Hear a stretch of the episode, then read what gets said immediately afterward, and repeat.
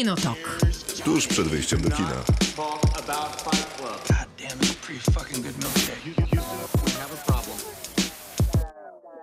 Krzysztof Majewski. Miłosława Bożek. Maciej Stasierski. To jest Kinotok, czyli dwie godziny o filmach i serialach. W podcaście wychodzi trochę mniej niż dwie godziny, raczej trochę więcej niż godzina. Zapraszamy serdecznie na to spotkanie z filmami i serialami. I czym jest Krupa Śnieżna? No właśnie. Ja nie wiem. A widzicie, to dla tych, którzy nie słyszeli, była w pogodzie. Krupa Śnieżna to, To jest jest taka taki... chlupa? Nie, to jest taki mały grad. A, gorzej. Grad Boże, będzie, Ale czyli, taki, taki malutki. czyli taki niegroźny. No, To są ziarenka lodowe bardziej, ale o średnicy nie większej między 2 a 5 mm. A czemu krupa? Nie, etymologii krupy Okej. śnieżnej niestety nie znam. No może od, od, od krupnika, nie? że to taki krupniczek. Jak może... Czyli jak, bo jak pada taki zwykły grad, to jest taki żurek Tak? solidny, a jak Nie, to ten, teraz myślamy. to Nie, no, ale prawdopodobnie mówi, tak. Ale mówi się, że pada, mówi się, że pada kapuśniaczek, tak? Tak. O, ale to nie. Mówi się. Ale to jeszcze Nie. mniej jest niż krupa. Nie, nie, To kapu- malutki, to tak Kapuśniaczek jest, nie e, jest lodowy. A, no tak, racja. Tak, a krupa jest lodowa, więc y, opady atmosferyczne w Polsce po prostu pochodzą od zup. Dokładnie, Tak. czyli jednak ten żurek pewnie gdzieś by się znalazł. Bardzo możliwe, że jest gdzieś żurek, ale my o tym nie wiemy. Albo barszczy biały. Bardzo uprzejmie zapraszamy na program, który jednak jest filmowo-serialowy. E, Dzisiaj zaczynamy od w robocie, o którym e, pamiętałem, natomiast zapomniałem umieścić je na naszych mediach społecznościowych w piątek, więc e, było w sobotę. Przeszkodziło wam to napisać mnóstwa świetnych propozycji odnośnie sequeli, prequeli. Ukraść nam wszystkie Filmów drugich. filmy. Dokładnie, no. To Dokładnie. Znaczy, nie, chyba nie dokładnie, bo ja w sumie strasznie dużo mam tych y, Nie mam sequeli. To tak porozma- dużo, ale trochę też, Też mam mam. trochę. No, ale będziemy musieli się ograniczać, bo dzisiaj czasu mało, bo chcielibyśmy chyba dużo poświęcić na nagrody. Te będą co prawda na końcu, e, ale ostatnio, kiedy z Maćkiem rozmawialiśmy o Złotych Globach, to ta część rozmowy nie trafiła do podcastu, no bo to nie była najwyższych lotów y, rozmowa, w tym sensie była bardzo wysokich lotów. Znaczy, Ja bardzo się wysiliłem. To, to prawda, byłeś na najwyższym poziomie, natomiast jakość była nie na Do dzisiaj, jestem, do dzisiaj jestem obrażony. Ach, Pytałem tak cię, nam czy się przykro. obrazisz. I, i oficjalna wersja jest, że wszystko jest w porządku. Okej, no to tej się trzymajmy.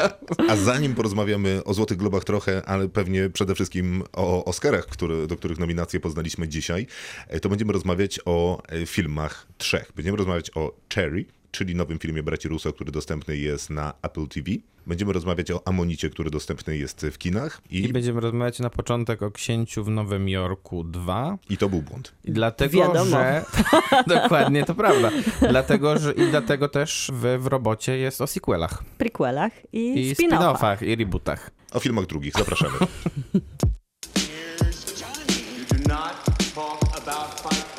Kinotok. Film. Prequele, sequele, filmy drugie i seriale drugie. Oni I spin-offy. i wszystko inne też. Dzisiaj o nich rozmawiamy w ramach w robocie. O, o nie pytaliśmy na mediach społecznościowych. Tam co tydzień y, pytamy o jakiś temat około filmowy i serialowy, bo znaczy bardzo filmowy i bardzo serialowy, ale w określonym temacie. Y, Słuchajcie, czy prequele, sequele, rebooty, O nie. No, już się przygotowywaliśmy do tego pytania poza anteną. są dla was ważnym, y, ważną częścią kina i seriali? Nie. Okazuje się, że O, mam e, sporą niechęć do prequeli na przykład i do spin-offów i do sequeli to ciężko określić jak to jest z tymi sequelami jako kontynuacja, ale większość jest nieudana i tak jak dzisiejszy film, który będziemy recenzować, czyli Książę w Nowym Jorku udowadnia, że czasami lepiej zostawić historię w spokoju. Te, które się już odbyły filmowe. Po prostu dać im przestrzeń do tego, żeby się starzały i dojrzewały Mhm. i zostały w naszej pamięci tak, jak zostały stworzone za pierwszym razem. To ciekawe, co mówisz, biorąc pod uwagę fakt, w jakim świecie kinowo-serialowym żyjemy, to, to jest takie No tak, to marzenie o tym, jak świat mógłby wyglądać, ale no zupełnie tak nie wygląda, no bo Nie cały wygląda. świat się opiera na tym, że jeżeli komuś się uda stworzyć film, który ma potencjał na uniwersum, no to kolejne sequele, prequele, rebooty i spin-offy nastąpią, no bo to jest zwyczajnie opłacalne. Skoro widzowie byli raz, no to chcą pójść drugi, a później chcą zobaczyć, jak ten Pieniądze, bohater z pierwszej wiadomo. części będzie się potykał z tym bohaterem z drugiej. Ja lubię sequele i prequele mimo wszystko, bo podoba mi się budowanie uni- uniwersów i dobrze się w nich odnajduję. Cieszy mnie uniwersum Marvela, mniej mnie cieszy uniwersum DC, cieszy mnie uniwersum Harry'ego Pottera, chociaż mniej mnie cieszy to, co jest dopisane po książkach. Ale czy to jest duży... uniwersum? No właśnie, Harry'ego Pottera? Akurat, bo ja- jak, jak, jak, jak czytałem odpowiedzi naszych słuchaczy, to się zacząłem zastanawiać, Mhm. czy, czy właśnie Harry Potter albo Władca Pierścieni to można uznać za sequele i prequele. No nie. Bo wszyscy wiedzieli, No tak. że tak będzie, nie? Że będzie tych, że będą trzy części, to właściwie są trzy części jednego filmu. trochę, a nie... Trylogia na przykład, czyli coś zamkniętego, czyli coś zaplanowanego, a trochę W sensie, no wydaje mi się, że jednak, e, jednak jakby sequel jest zwykle, powstaje zwykle w głowie autora, jeżeli pierwsza część się uda. A tutaj było wiadomo, że... No, ale to że... są takie serie, które się nie dokończyły, nie? Przez to, w sensie, że była planowana trylogia, ale się nie skończyły, bo pierwszy film był klapą. Tak, No tylko, tak, że, tylko że to chodzi akurat o, o samą Kompas. definicję sequeli, że one powstają w ramach tego, że pierwsza część odniosła taki sukces komercyjny, że opłaca się kontynuować, a nie dlatego, że na przykład była napisana książka i wiadomo, że zostaną wydane trzy części, czy na przykład Tak. cztery podzielone na kolejne części. A Władca Pierścieni jest po prostu Jest książką kompletną składającą się z trzech książek. Adaptacją. Tak? A Hobbit jest książką składającą się z jednej, Jednej, książki trzech to, filmów. Ale to jest już inny temat. No, to Jest na, inny. na inną rozmowę. No ale to wtedy to są sequele? Drugi Hobbit? no Pustowiec nie, Małga, też nie, czy nie? wydaje No mi się. właśnie nie. No to A, też, też nie. jedna książka. Aha, no bo ja natomiast uważam, że i owszem, to są sequele w stanie czystym. No dobrze, no to Tak jak Hobbit jest prequelem dla Władcy Pierścieni, tak drugi Hobbit jest prequelem dla Władcy Pierścieni i sequelem dla pierwszej części Hobbita. dobrze, to ja się podpisuję pod tym, co Miłka powiedziała i możesz przejść do słuchaczy. Dobra. Łukasz, druga część trylogii Richarda Linklatera przed zachodem słońca. No i to jest znowu ten temat. Richard Linklater planował trzy filmy razem z obsadą. No to to jest sequel czy nie? To jest trylogia. Jest I to to by się sequel. chyba e, tak Jest to zamykało. sequel, Tak. dlatego że A Emi, Sena e, i Diego, a to Safaka nie są, to nie jest trylogia. I to Czyli nie są sequele i też- prequele. Dlaczego? No bo to nie jest film jednak, to nie są trzy filmy o Sennie albo trzy filmy Amy, o Amy Winehouse, tylko No ale wszystkie są... o trzech trzy różnych osobne, postaciach. Tak, Tak, ale są powiązane średnio... A sequel musi mieć kontynuację Filmy powiązane y, y, osobą reżysera, no to, to nie do końca chyba to. który sam o nich mówi jako trylogii. No dobrze. Ale to się trzyma kupy, to w sensie jesteś konsekwentny. Przed zachodem słońca równie dobra, a, może i lepsza od części pierwszej, także tytuł, który zapewnie nie jednej osobie przyjdzie do głowy, czyli Blade Runner 2049. No i to jest idealna sytuacja, no bo to jest y, Idealna. Idealne. remake. Tak, to jest idealne. Do To nie rzucenia. jest remake. Jaki remake? Czego remake? To nie jest remake, tylko to jest sequel. e, Będzie się remake. Tak, tak, sequel, tak, dobrze. Robi się niebezpiecznie. Dokładnie. Dorzucę też- rosną. Dorzucę też najlepszą według mnie ekranizację Trzech Muszkieterów z 1993 roku z Charliem Sheenem. Magdalena. O matko. Widziałeś? Chyba najgorszą. Nie najgorszą? Bo ja miałem problem z przypomnieniem sobie i obejrzałem jakieś fragmenty w Najlepsze internecie. to są te stare, z tym, takimi starymi aktorami, z Oliverem Reedem i tam... No właśnie, ale to jest 20 lat młodsze, nie? No z 70 lat, tak, tak, tak, tak, No to też mi się wydawało, że to jest znacznie lepsze.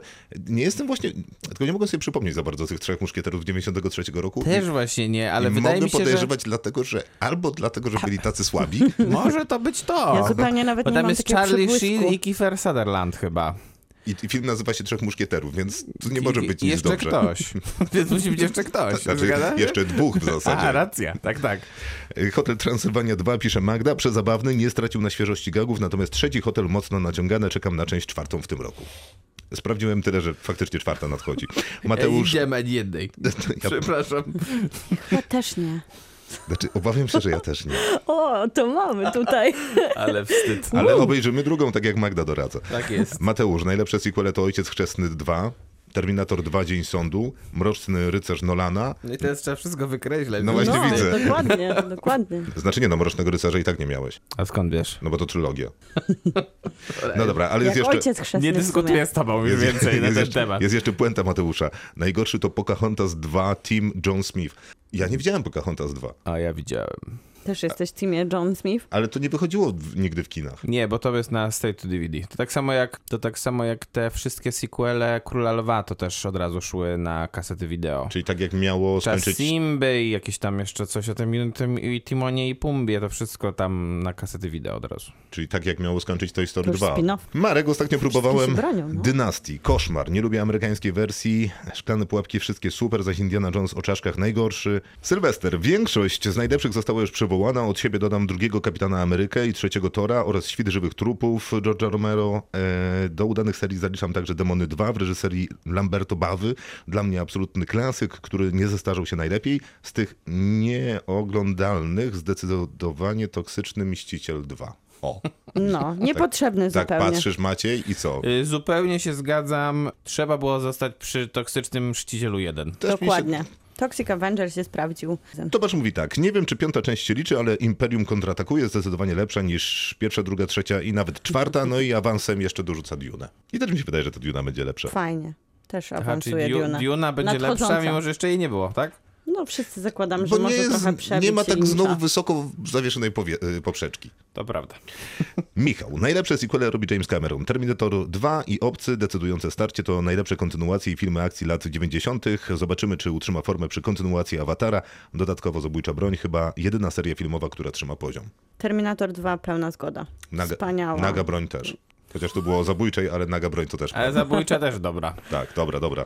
Natomiast Avatar pobił Avengersów i jest najlepiej zarabiającym filmem w historii. Więc tylko czekajmy, aż Avengersi znowu wrócą na rynek chiński i będziemy takiego ping-ponga grali. Tak, dokładnie tak będzie. Bo Aż jestem, przyjdzie kolejny awatar. jestem przekonany, że bracia Russo właśnie skończyli promocję filmu Cherry i teraz zajmują się wprowadzaniem ponownie No tak, Avengersów bo do Chin. Na Oscary się nie udało, więc... No to trudno. e, No trudno, no trzeba, a trzeba pieniądze się muszą zgadzać. No, oczywiście.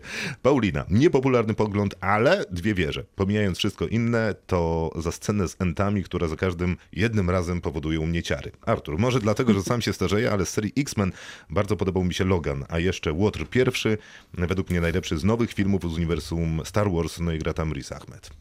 Łot pierwszy jest super. Gra tam Riz Ahmed? No Gra? O, Gra tam dobrze, Riz że- Ahmed. Dobrze, że mi ktoś to przypomniał. No tam y, w Łotrze pierwszym jest taki problem, że tam dużo głównych postaci ubiera dosyć szybko. No nie, poza on, Feli- on, on jest długo z nami. Poza Felicity Jones. Kinotok. Film. Maciej, dzisiaj ty zaczynasz. W robocie twoje ulubione sequele, Dobrze. prequele, filmy Dobrze. drugie. To tak, zacznę od Drugiej re- części. re- re- reboota, nie, remake'u? Reboot? Remake?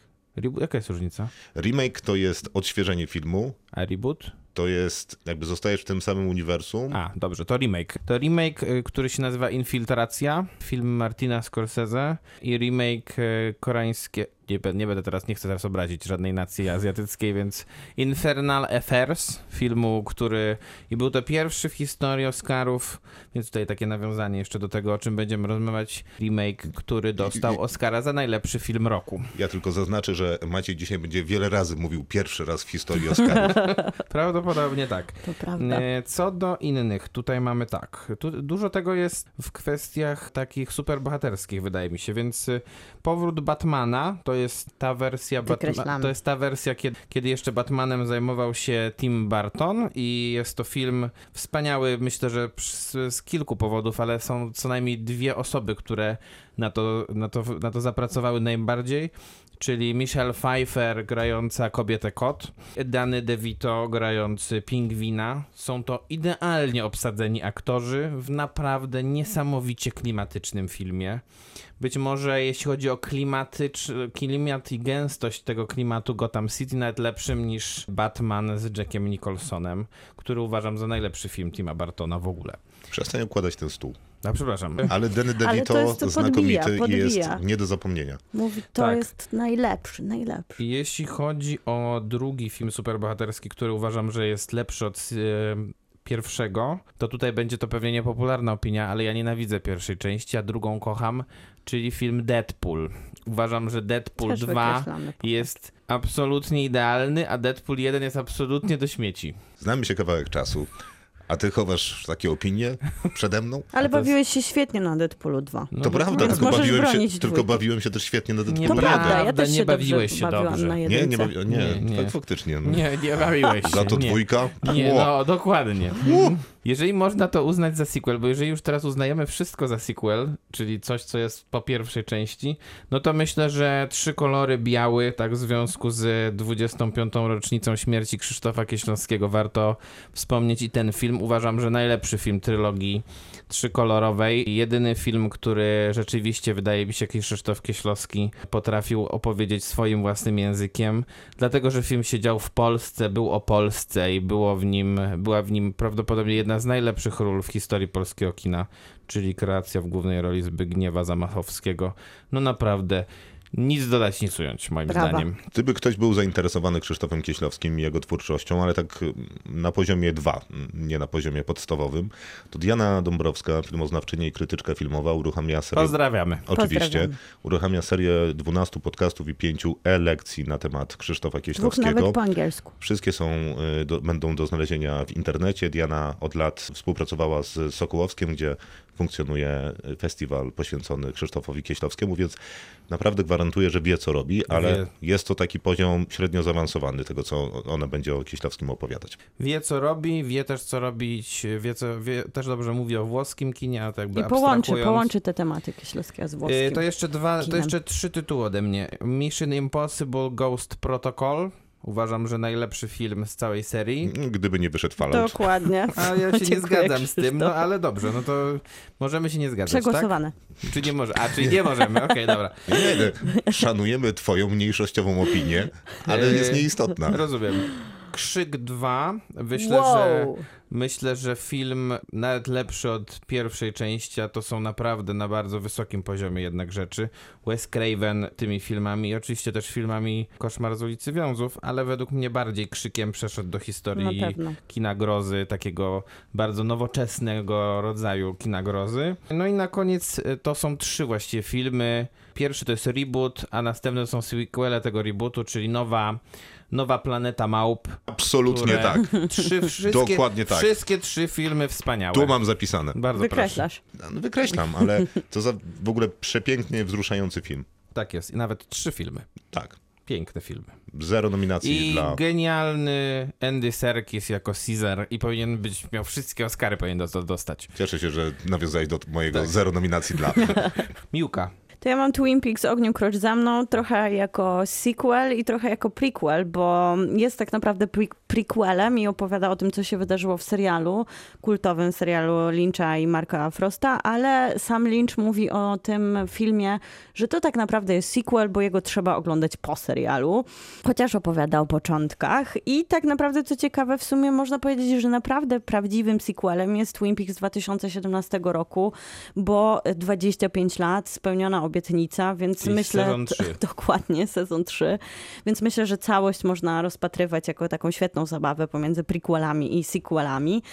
Ciemny Kryształ, The Dark Crystal, to jest wspaniała animacja z lat 80. Jima Hensona i Franka Oza, która no, wyprzedzała swoje czasy tym, w jaki sposób była ani- animowana. Tak naprawdę czterech ludzi unosiło wielkie kukły, które były poruszane kablami, to wymagało mnóstwo pracy.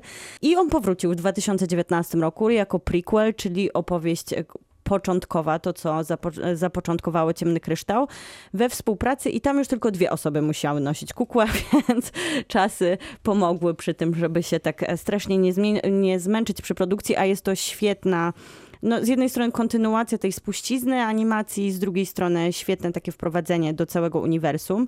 Uważam, że niezłym sequelem i w sumie trochę prequelem jest Halloween, które wróciło i O, wydawało się, tak że uważam. to mo- nie mogło się udać w 2018, a Przepraszam, udało się całkiem Sk- nieźle. Skąd jest ta rozmowa? Ty mówisz o Halloween, ty mówisz o krzyku, ty nie lubisz horrorów, ty się ich boisz i nie No oglądasz. gdzie Halloween No, i krzyk? Po pierwsze, po pierwsze za co, za, co to jest za oszczerstwo? Kalumnie ja bardzo tutaj. lubię horrory.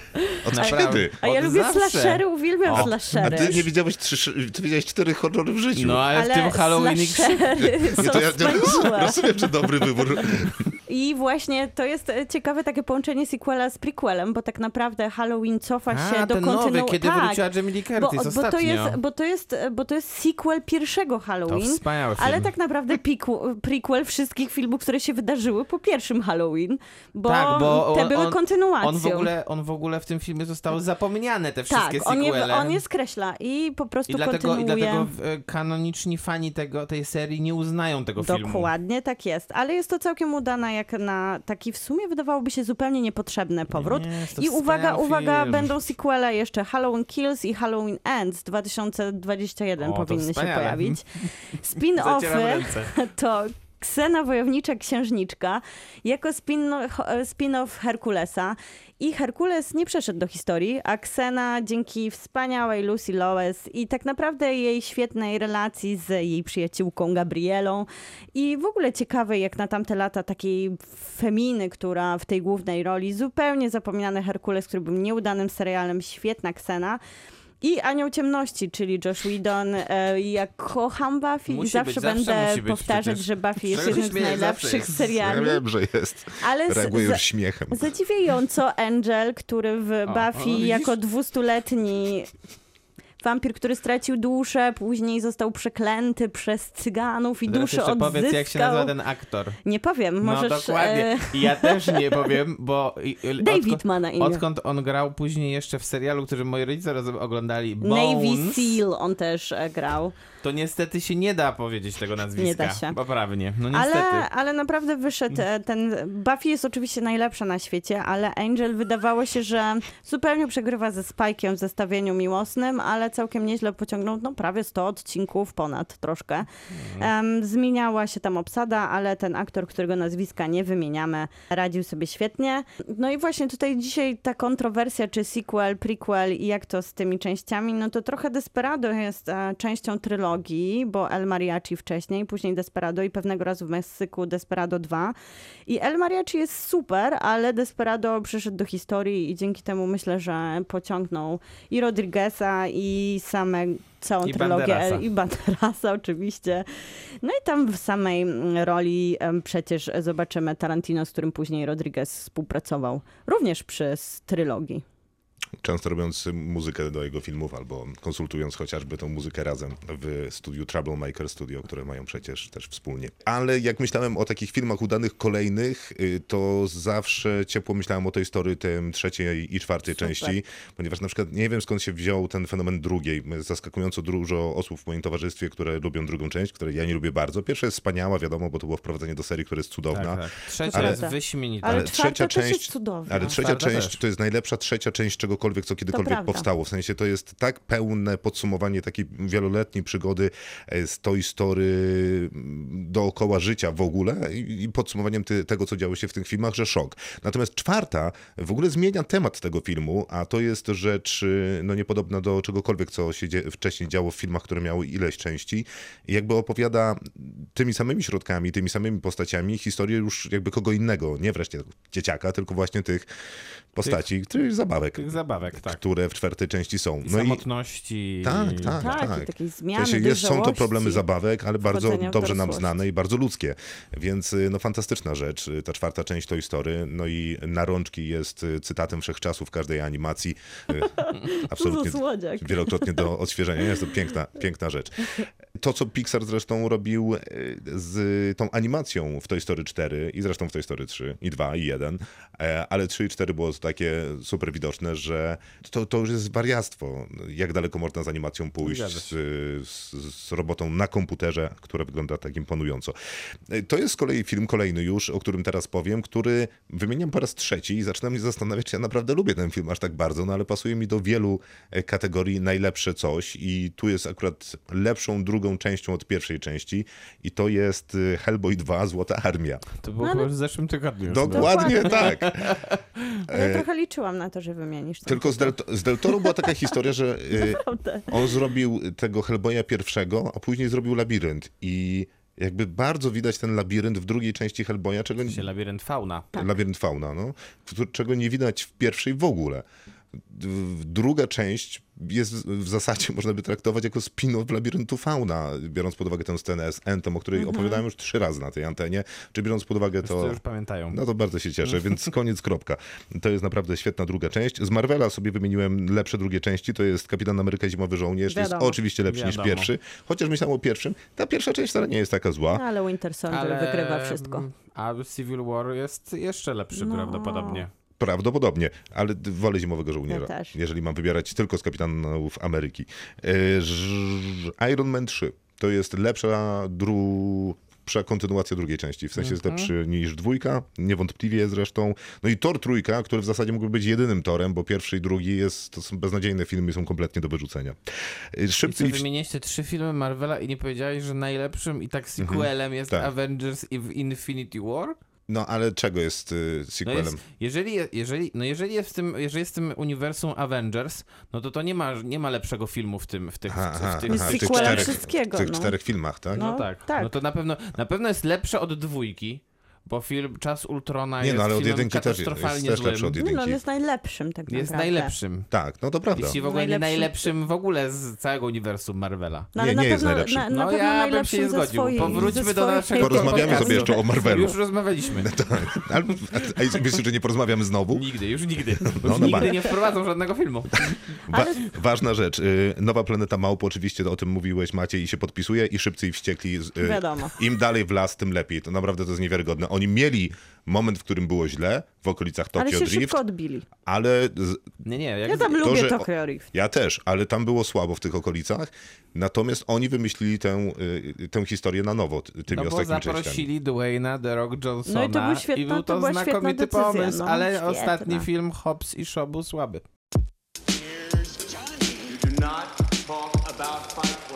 Kinotok. Film. No to sequele, prequele, rebooty, filmy drugie za nami, to możemy porozmawiać. Tak, te dobre. Możemy porozmawiać o sequelu, który nazywa się Książę w Nowym Jorku 2. I to jest jeden z tych filmów, o który nikt nie prosił, a go dostaliśmy. I plus jest jeden, że ten film ma świado- najwyraźniej Nie świadomość tego, ponieważ w filmie jest taka... Jest e, takie zdanie. Jest takie zdanie, takie zdanie, mhm. A propos dyskusji o amerykańskim kinie. Więc być może nieźle, że twórcy zdawali sobie sprawę, że nikt tego filmu tak naprawdę nie chce. Tylko i tak zrobili beznadziejny film. To prawda. To jest jakby główna jego wada, w sensie to, To, że jest beznadziejny. To, że, to, że twórcy... Może skończyć rozmowę. To, że twórcy mają świadomość tego, że robią film, którego nikt nie będzie chciał oglądać i dlatego on pewnie ląduje na platformie streamingowej, to jest jedna rzecz, ale z drugiej strony, to jak już mieli świadomość, to dobrze by było, żeby jednak byli jakoś tam, no nie wiem, profesjonalni w tym, a No, zrobili, ale to chyba a też- zrobili taką amatorszczyznę niestety. Bardzo Wynika z szybko tego, że dla mogli- tych, którzy być może nie pamiętają, że w 1988 roku był ten pierwszy film Książę w Nowym Jorku po prostu i opowiadał o tym, że Akim, książę jakiegoś wymyślonego afrykańskiego e, kraju, Zamundy. e, tak, ale z wymyślonego Tak. e, kraju, który rzekomo leżał w, w Afryce, przyjeżdża do Nowego Jorku, ponieważ w swoim kraju pochodzenia miał takie ustawione małżeństwo, A on nie chce tego ustawionego. więc jedzie szukać miłości. No i I znajduje miłość w osobie dziewczyny, która jest córką pana, który y, ma restaurację idealnie przypominającą McDonalda, ale nie jest to jednak ta restauracja. I to jest jakby też żart, który się przewija niby przez ten pierwszy film. I tutaj też niestety troszeczkę, parę razy przynajmniej obserwujemy mm, porównania kanapek, lodów i innych rzeczy. Eddie Murphy to było to, co było najważniejsze w 1988 roku i w 2021 też Nie by mogło już. być. E, Ale Eddie Murphy zrobił na tym filmie kawał kariery. Tak, no bo to był ten okres, kiedy Eddie Murphy rzeczywiście był u szczytu takiej swojej komediowej kariery, bo Książę w Nowym Jorku, tam był wcześniej Gliniarz z Beverly Hills.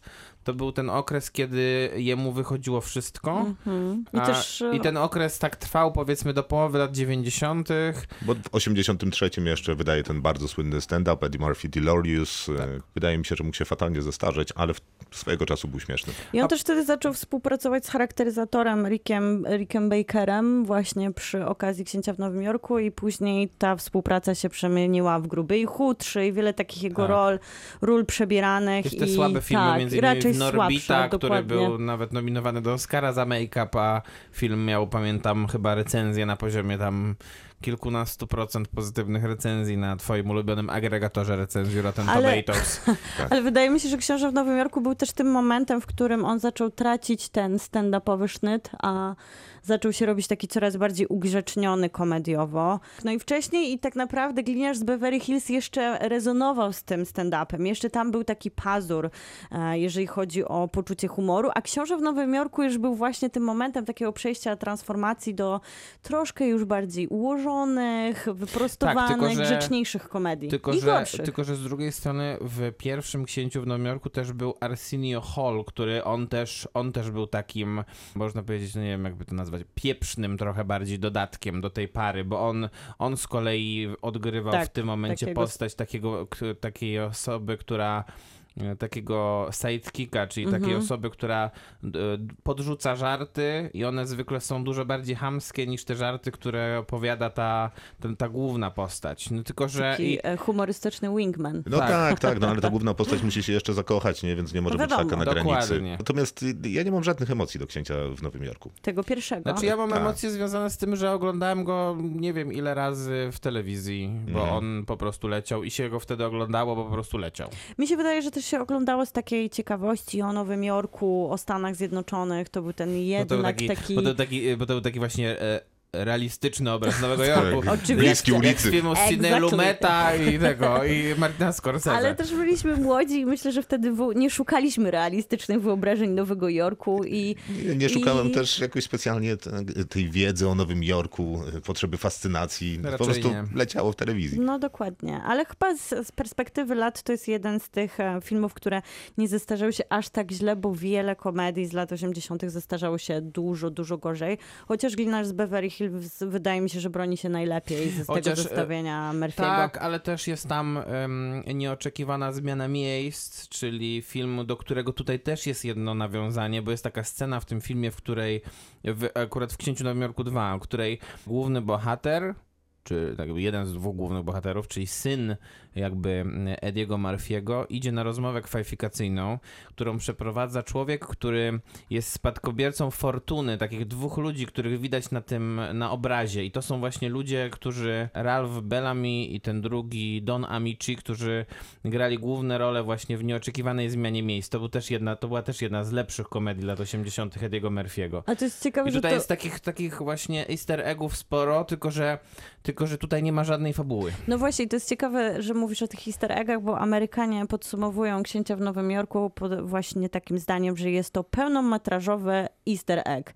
Że tam się nie dzieje nic innego, jak wrzucenie odniesień do, no oczywiście też o, poza tak naprawdę nie odświeżeniem fabuły pierwszego Księcia w Nowym Jorku, tylko trochę przepisaniem jej Mhm. i dorzuceniem do niej easter eggów, e, które stają się takim półtorej godzinnym No miszmaszem to nie jest prowadzącym do żadnej historii. Suche, bez humoru, bez energii. Tak, w olbrzymim skrócie faktycznie jest tak, że znowu jesteśmy wymyślonym afrykańskim kraju, który niespecjalnie zmienił się od tego 88 roku. Nie, nie. Natomiast wiele rzeczy zmieniło się od 88 roku i być może warto było to wziąć pod uwagę Na jednakowoż. przykład. No ale cóż, y, tak twórcy robią, no to No ale to, i to jest w końcu nam, wp- to też jest nam wpychane w pewnym momencie. Tutaj jest taki wątek Mhm.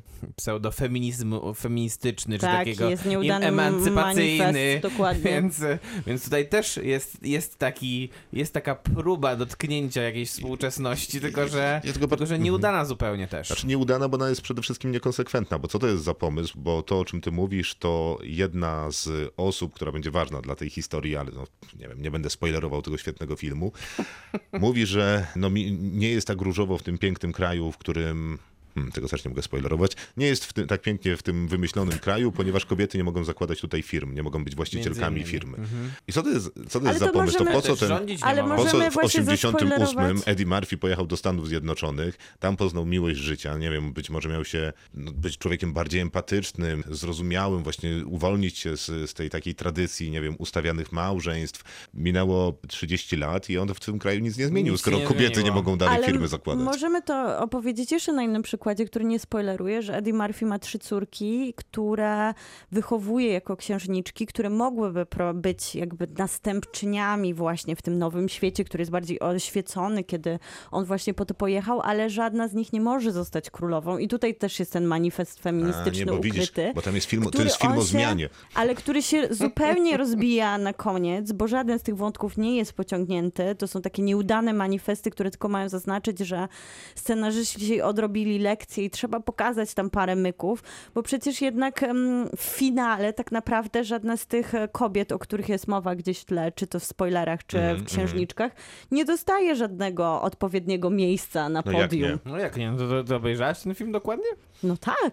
No nie, to, to no okej, to może będziemy spoilerować w takim wypadku. to nie spoilerujemy, tak? Nie, no teraz to Nie. musimy spoilerować, żeby wytłumaczyć tę sytuację. No nie, ona, ona dostaje jakby główną nagrodę. Dokładnie. Przecież dostaje, dostaje, zostaje Rozmawia z nią Eddie Murphy, tronu. tańcząc i on mówi, że zmienimy prawo tak. po to, żebyś mogła zostać następczynią tronu. No ale to w żaden sposób nie wybrzmiewa w tym filmie. Mówi Nie, jej to mówi jej to, literalnie więc w twarz. wybrzmiewa dość, No, ale nie, nie w tym sensie, Przez- ja mówię, nie, że nie wybrzmiewa to jako deklaracja, tylko my w ogóle nie czujemy tej zmiany, w ogóle nie wybrzmiewa ta sytuacja jako taka, no cały film oglądamy różne, różne tutaj historie, które starają się doprowadzić do jakiegoś z- z- celu, z tak, reguły. i one do nie, pro, nie prowadzą do żadnego podsumowania. W sensie kończy się ten film i my nie mamy poczucia, że... No jak jest impreza? Jest impreza, na końcu wszystko dobrze się kończy. No ludzie ale nie masz poczucia jakiejś zmiany społecznej. No żaden, do, w sumie nie dochodzi ten film do żadnych wniosków nowych niż ten Znaczy, początek, no, który się zaczyna też od imprezy. No nie wiem, Tylko akurat, na stypie. akurat wydaje mi się, że ta zmiana tam istnieje. Nieważne, 3 na 10, bez nadzieja, proszę nie oglądać. Trzy, ja dwa. Ja dwa też mam tutaj zapisane, a teraz zastanawiam się, czy nie dać jednego. To dajesz jeden, dobrze. Tak. Bo zdecydowałem za ciebie tym razem. Kinotok. Film. Czas na kolejny film, być może troszkę lepszy. To nie jest trudne po Księciu w Nowym Jorku 2. Tym razem nowy film braci Russo. To jest zawsze duża rzecz, no bo to jednak są twórcy, którzy zrobili najlepiej zarabiające filmy ostatnich kilku lat, no tak licząc od Zimowego Żołnierza, Kapitana Ameryki Zimowy Żołnierz, później Civil War wspominany, czyli Wojna Domowa, to też Kapitan Ameryka, Wojna bohaterów. tak, Wojna Bohaterów, no i później dwie finałowe części Sagi Nieskończoności, czyli A jak- teraz nakręcili film, który się nazywa Sherry, a dokładnie Sherry Właśnie. Niewinność To Utracona. jest do, dodatek od nasze... A to nie jest Cherry? No whatever. To jest Cherry, razie, no. Ale niewinność utracona jest takim uroczym Niewinność, dodatkiem tak. tutaj od... po- Żebyśmy, tak. żebyśmy wiedzieli, o czym ten film jest, W, w bo nie sensie wiadomo. To jest dosyć śmieszne, bo ten film jest na podstawie książki, która się nazywa po angielsku Cherry, ale po polsku się nazywa Świeżak, e, Świeży i można by było użyć tego tłumaczenia, skoro jednak No, e, zwłaszcza, że nie jest takie znowu jest, złe. jest wydana jest też lepsze w Polsce. Utracona. No na pewno i zwłaszcza, Znaczy, że to została... zatrzymajmy się przy tym na no, jeden momencik. To jest najgorsze, co się robi y, u nas. W sensie, że Te- zostawia te się dopiski. angielski Tak, tytuł, tak, i dopisek dwukropek, coś tam. No, ale zwłaszcza, że to ma kontekst i cherry, i świeży, Tak. ma kontekst e, filmowy, historii, która się tam pojawia, ale no jest to bardzo dziwne, bo Nico Walker został wydany w Polsce, więc dlaczego? No ale można e, wytłumaczyć nam, że utracił bohater niewinność e, w pewnym momencie. Nie została ona utracona ostatecznie. Tak, Więc jest, już wiemy a nasz główny temu. bohater, którego gra Tom Holland, też znany zresztą z Uniwersum Tak. Marvela. Marvela, uniwersum Marvela, grający Spidermana, e, ostatnimi czasy przynajmniej. Gra tutaj chłopaka, który zakochuje się w dziewczynie. Ta dziewczyna w pewnym momencie postana- informuje Łamie go o mu tym, serce. że będzie, że wyjeżdża i łamie mu serce, więc on się zaciąga do wojska i zostaje wysłany do Iraku jako em, medyk. Wraca z Iraku i ma typowo objawy e, Stresu pourazowego. stresu pourazowego. E, No ale wracają jakby do siebie, bo, bo, Są ona, bo małżeństwem. są małżeństwem. No i dochodzi do sytuacji, w której obydwoje nakręcają się w e, swoim uzależnieniu od narkotyków. I na tym, o tym jest ten film, mniej więcej. No, ale też wydaje mi się, że ciekawe zaczyna, jest... potem Jest zaczynają wpadać w o potężne utracie długi. no, niewinności. Tak. Wydaje mi się też e, ciekawy ten kontekst książki, bo to faktycznie napisał chłopak, który przesz- przeszedł całą tą drogę utraty niewinności, czyli najpierw pojechał do Iraku, później wrócił do Stanów e, i jako weteran właśnie w ten sposób sobie system z nim radził, że przepisywał mu oksy, czyli tak naprawdę narkotyki i on się uzależnił od nich, bo nie miał systemowej pomocy, a w końcu trafił do więzienia y, i tutaj to też nie będzie spoiler, bo to się pojawia i w trailerach i wszyscy wiedzą w książce, przez to, że napadał na banki w, w, w ramach tego, że z jednej strony właśnie sobie nie radził ze stresem pourazowym, z drugiej strony był narkomanem i potrzebował pieniędzy. I on dopiero w, mm, Tylko w już nie na więzieniu... oksy, tylko na heroinę. na heroinę, tak. I on I w więzieniu... długów. E, On w więzieniu przeszedł jakby proces resocjalizacji, zaczął się edukować i napisał właśnie tą książkę, która w Stanach była dosyć ważna ze względu na to, że nieźle pokazywała dysfunkcję systemu amerykańskiego. Z jednej strony W sensie tego, że dla weteranów. tak, że zaciąga się wszystkich do wojska, później sobie zupełnie system nie radzi z tym, e, jak postępować z weteranami. W końcu przepisuje im leki, a to jest problem kolejny. No i wiadomo, że to są trochę klisze z perspektywy filmowej, ale nie do końca to były takie klisze z perspektywy literackiej, zwłaszcza osoby, która napisała to, bo to przeżyła. No Mhm. ale bracia Russo potraktowali to właśnie chyba jako taki element inspiracji wszystkim, co już w kinie było powiedziane. I o wojnie, i o weteranach, i o narkotykach, i o pierwszej miłości. I zrobili takie trzy filmy w jednym filmie Nie, nie, nie. które nie. przez to dłużą się i nużą przez e, dosyć dłuższy czas niż wydawałoby się, że te dwie godziny, które No, są dłużej. wpisane. Dwie i pół prawie. Po pierwsze, według mnie bracia Russo nie zrobili żadnego filmu. To No jest, dobrze. To jest dwie i pół godzinny teledysk. e, Ja mam nawet lepiej. Masz takie wrażenie, to bardzo Reklama. super. Trochę. Mi- Mnie bardziej się kojarzyło z trailerem. No czyli Że tu są- mamy Tak, takie. no. Że jak, jest, jak się układa taką dramaturgię filmu, to ona powiedzmy, że ma taką sinusoidę. Tak. A ten film jest tylko jakby na tych szczytach sinusoidy. Ścięte jest Tylko. wszystko, co jest Mhm. na dole. I jest taki obrazek, obrazek, obrazek. I on tak, o jest narkomanem. Mówi, wow, jest narkomanem. A nie, już nie jest. Teraz napada na banki. Tak, I dokładnie. jeszcze, Właśnie to są te trzy filmy, jest teledysk, reklama i e, No, trailer. no, możemy tak powiedzieć. je, No. jeżeli I tak jest. chcesz, to, to zgoda.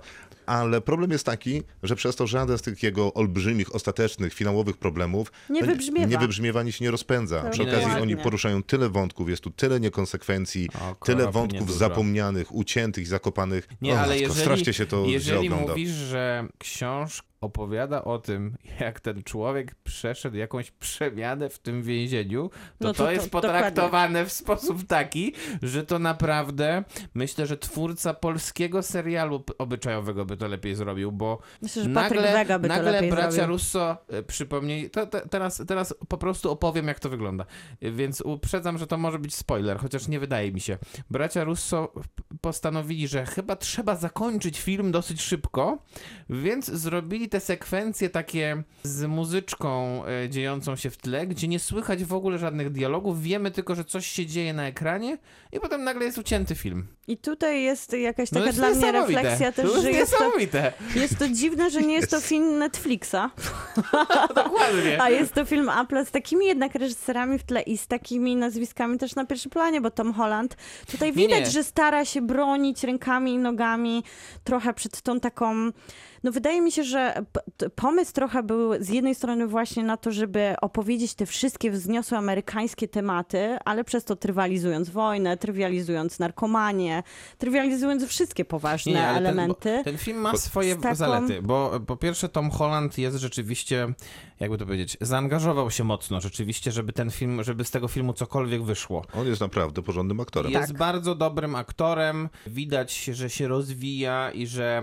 on szuka chyba prawdopodobnie teraz, poprzez takie filmy, jakby to się nie zabrzmiało, to teraz Tom Holland szuka swojej oscarowej roli i prawdopodobnie myślał, że Sherry takim filmem może być, ale się okazało, że filmem jest po prostu za słabym. E, A przy okazji on nie ma tutaj niestety do zagrania takiej konsekwentnie zbudowanej postaci, ale Więcej miał roboty w Diabeł Wcielony Tak, w, tak. w, ty, w tych okolicach, o Tam których te, I tam też był lepszy, bardziej taki subtelny. Tutaj rzeczywiście jest taki wykrzyczany, ale z drugiej strony no jest to efektowna rola. Mhm. Po drugie, no, ten film dostał, dostał nominację za zdjęcia od Stowarzyszenia, Filmo, od Stowarzyszenia Operatorów Amerykańskich.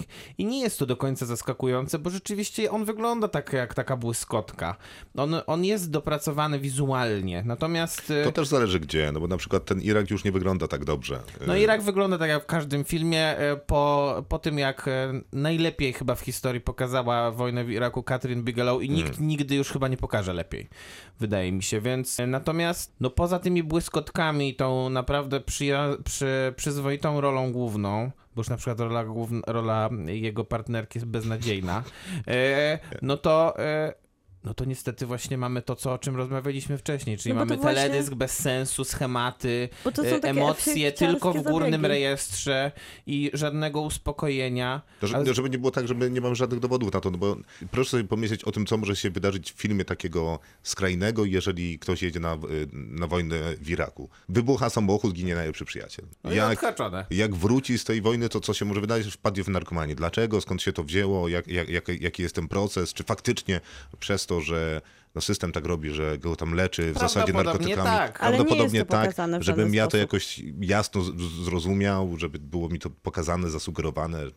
Nie I wiem. potem jest przejście i zaczyna napadać na banki. No dlatego mówię, że to A są przy trzy okazji- filmy, tak, tylko bo że przy wszystkie okazji- trywializujące każdy Tak, z tak, tematu. tak. A dokładnie. przy okazji jest taki problem, że bracia Russo, bo, bo tam jest sporo problemów ze scenariuszem, a to nie oni, Głównie. tylko Jessica Goldberg, ale bracia Russo, to już pewnie jest ich problem, wymyślili sobie, że każdy z tych momentów będą opowiadać, Dociskać. dociskać innymi gatunkami, nie? I to dokładnie. tam w tym Iraku udają kino wojenne, e, kiedy napada na banki, to to jest w zasadzie taki, ym, takie, jak się nazywa? Heist movie. Heist. Heist Mówi, mówi, dziękuję. Gdzieś tam jest trochę tego romansu z tą Ciarą Brawo, który w ogóle nie działa, bo ja mam wrażenie, że ona jest nieobecna zawsze, kiedy jest razem na ekranie z Tomem Hollandem.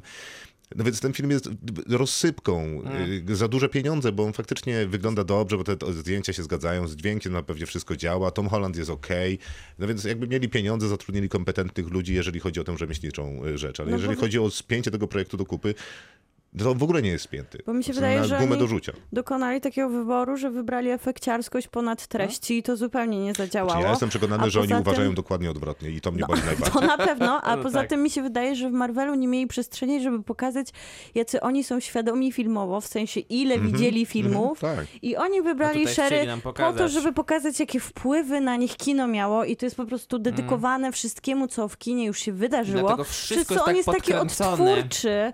Wydaje nam się, że ciągle widzimy zlepki filmów. Też taki ko- kolejny to jest element e, podobieństwa do Króla w Nowym Jorku, Księcia w Nowym Jorku, że z jednej strony to do Król niczego też jest, więc jest okej. że to ni- do niczego Boże, nie prowadzi, w a z drugiej strony jest jakimś po prostu przedłużeniem takiego easter egga w easter eggu i, i też nie, nie spełnia się ta, jednak oglądamy bardzo długą historię bohatera, to nie prowadzi do żadnych wniosków i nie zostawia nas ten film po tych dwóch i pół godzinach z niczym emocjonalnie. Będziemy oceniać? Będziemy. Ja 3 na 10. To dzisiaj konsekwentnie. Mogę, Ja- mogę ja- obniżyć księciu w Ja, Nowym ja, Jorku, ja jak chcę. 4 na 10. Ja też 4 na 10. Kinotok. Film. Czas na film, który nazywa się Amonit, którego nie obejrzałem, jestem nieprzygotowany. Jedynka. Jest to film... Znaczy e, nie, że było, że nie, nie przygotowałem się zupełnie. Jakby co, to mam dla was definicję e, amonitu. No to dajesz. Podgromada wymarłych głowonogów, przeważnie o symetrycznej, płaskospiralnej skorupie. Ładna. Jest Mam też dłuższą, jakby co. Jest to film w reżyserii Francisa Lee. To jest ważne nazwisko, uważam, do wymienienia, dlatego że najmniej znane z tych osób, które, o których będziemy rozmawiać, a, a pan ma za sobą jeden znakomity film, który nakręcił bodajże 2 czy 3 lata temu. Film się nazywa Piękny Kraj. Naprawdę jeden z najlepszych dramatów LGBT ostatnich lat, w którym główną rolę gra aktor Josh O'Connor i dzięki temu filmowi w ogóle poznaliśmy takie nazwisko. A teraz sobie występuje w The Crown i dostaje Złotego Globa za zagranie księcia Karola, więc myślę, że zasługi pana Francisa Lee dla aktualnie prawdopodobnie jakościowej telewizji są spore.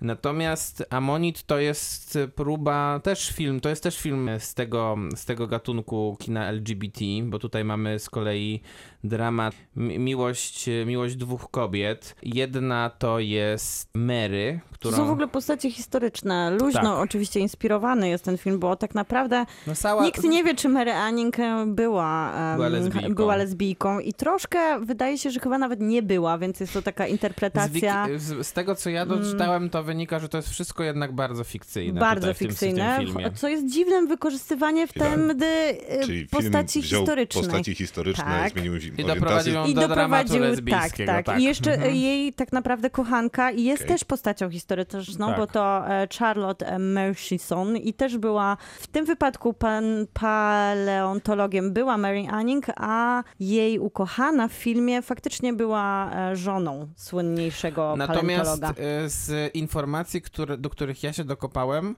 to nawet nie ma, nie ma pewności, czy one w ogóle poznały się kiedykolwiek. Więc, więc- jest to... No okej, nie, no, no, no jest to dobra, no, dzika ale to, je- to jaki to ma historii. se- sens w tej historii? No, W sensie, ma- po coś ma- użyto tych zmian historycznych. Tak? To nie ma żadnego sensu, Nie ma. dlatego Aha, że e, i to jest jakby główny, znaczy to nie jest jego główny problem tego filmu. To jest film, który pełnia idealnie definicję tak zwanego Oscar baitu, czyli filmu, który zrobiony został tylko i wyłącznie po to, żeby dwie główne aktorki dostały nominacje do Oscara, albo żeby najlepiej je w ogóle powygrywały, bo dostają takie role, które można byłoby, nie wiem, określić jako takie podwłos, edgy, nie wiem, nie, przeciwko, gra- grane przeciwko własnemu emploi i nic z tego tutaj nie działa niestety, dlatego że problem jest z tym, że jest głupkowaty, schematyczny scenariusz, z którego nie da się wytworzyć interesującej relacji pomiędzy bohaterkami. Czyli Jest- Kate Winslet i Saoirse Ronan. Tak. Tak. Brakuje chemii pomiędzy głównymi aktorkami, co jest w ogóle, wku- co jest w ogóle szokujące, dlatego że są to tak doskonałe aktorki, które powinny nawet udawać to dobrze, a nie potrafią tego zrobić, bo chyba są źle poprowadzone, a, No. a przy okazji Saoirse Ronan, która gra tutaj troszeczkę mniejszą rolę, bo Kate Winslet jest jednak zdecydowanie tutaj na pierwszym planie, no ewidentnie męczy się w tym filmie do tego stopnia, że e, myślę, że jest to jedna z najsłabszych ról Saoirse Ronan, jakie widzieliśmy w ogóle. Tylko, że to nie jest chyba takie proste oceniać tę rolę z perspektywy tego filmu, bo ja się nie do końca, na pewno się zgadzam z tym, że nie ma tutaj nawet minimalnej chemii między bohaterkami, a skoro mamy opowiadać o romansie, no to bez chemii to wszystko wydaje się tak abstrakcyjne, jakbyśmy oglądali coś przez szybę i to jeszcze takiego właśnie starą, brudną szybę w konstytucji filmu kostiumowego, ale trochę też wydaje mi się, że problemem jest to, że ta ekspozycja bohaterek jest bardzo długa na początku. My je poznajemy w Znaczy, taki sposób, Anning, tak, zwłaszcza Kate Winslet. Mm, I ona jest taką bardziej, ten film się skupia na monotonii jej życia, odkrywaniu Mhm. takich e, rzeczy, które sp- sprowadzają to, zwłaszcza życie w kostiumie, do takiej odrealnionej dla nas rzeczywistości. I nie ma czasu na zbudowanie tego romansu. One zostaną, one Ten zostają... romans jest narzucony. Tak, wrzucone w ten romans tak, e, tak usilnie i boleśnie dla nas jako widzów, że my nie jesteśmy w stanie uwierzyć, że tam jest jakaś, jakakolwiek nuta e, romans, romantyczna między bohaterkami. I jeszcze jest to tutaj tak dziwnie zaserwowane w takich e, seksualnych zbliżeniach, które też zupełnie nie działają przez to, że z jednej strony my nie wierzymy, że te bohaterki są w sobie zakochane, więc ten seks jest jakby trochę wymuszony. Po drugie jednak nie zadziałały tutaj te role mm, tak charakterystycznych aktorek, albo Nie, może ja dlatego, myślę, że że- ta chemia między nimi nie działa, że jest to trochę mm, bolesne w Problem momentami. jest taki, że my się czujemy niekomfortowo trochę oglądając ich relacje i mam wrażenie, że one się też bardzo czuły niekomfortowo mm, grając, grając to, co, to, co, to, co zo- zostało im zadane do zagrania i, i przez to ten film, e, który całymi garściami stara się czerpać z wybitnego filmu Dokładnie. Siamy, Portret kobiety w ogniu i który, który myśleli chyba twórcy, szczególnie Francis Lee, że wystarczy ściągnąć parę podobnych ujęć i będzie, i będzie tak samo wielki sukces. No nie działa na tym podstawowym poziomie emocjonalnym.